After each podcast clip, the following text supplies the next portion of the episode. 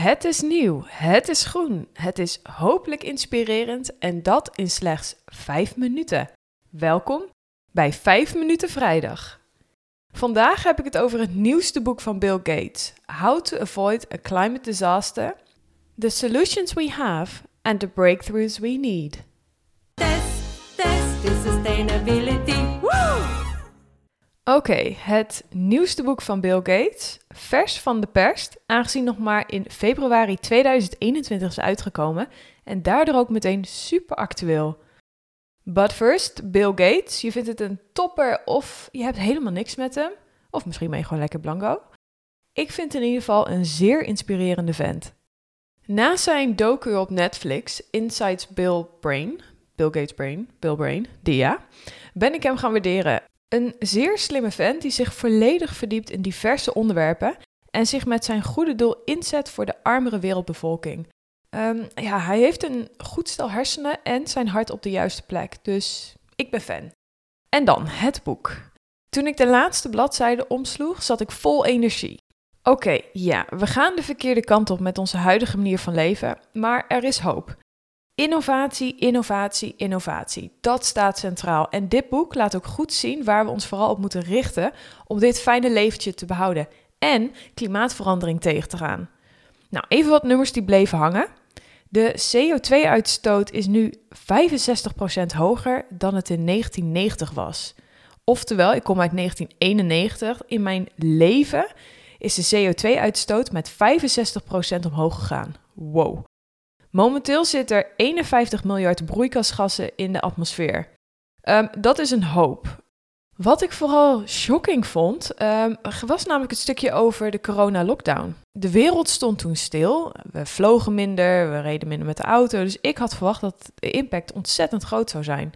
Toch bleek maar dat we maar in die lockdown 5% minder CO2-uitstoot hadden. Dat is bizar. Dat betekent dat we alsnog 48 miljard broeikasgassen in de atmosfeer hebben. Nou, om naar nul broeikasgassen te gaan, moeten we de uitstoot verminderen en gassen uit de atmosfeer halen. Denk aan een soort stofzuiger erop zetten en alle CO2 uit de atmosfeer zuigen. Voor een uitgebreide uitleg raad ik wel het boek aan. Het is gewoon te veel anders om, om in zo weinig minuten te dekken. Maar er zijn een paar highlights die mij wel goed in de oren klonken. En alles met het doel om in 2050 nul broeikasgassen in de atmosfeer te hebben. Allereerst, energie staat gelijk aan ons leven. Het stond echt centraal in het boek, want we kunnen ook niet zonder. Ook de minder ontwikkelde landen zullen in de toekomst meer nodig hebben. We moeten investeren in schone energie, waar we het vandaan halen, hoe we het opwekken en hoe we het verwerken. Gates vertelt dat we niet alleen moeten letten op hoe we het opwekken, maar ook hoe we die CO2-uitstoot soms onvermijdelijk kunnen opvangen. Denk aan die stofzuiger. Wat ik echt mindblowing vond, was zijn blik op kernenergie.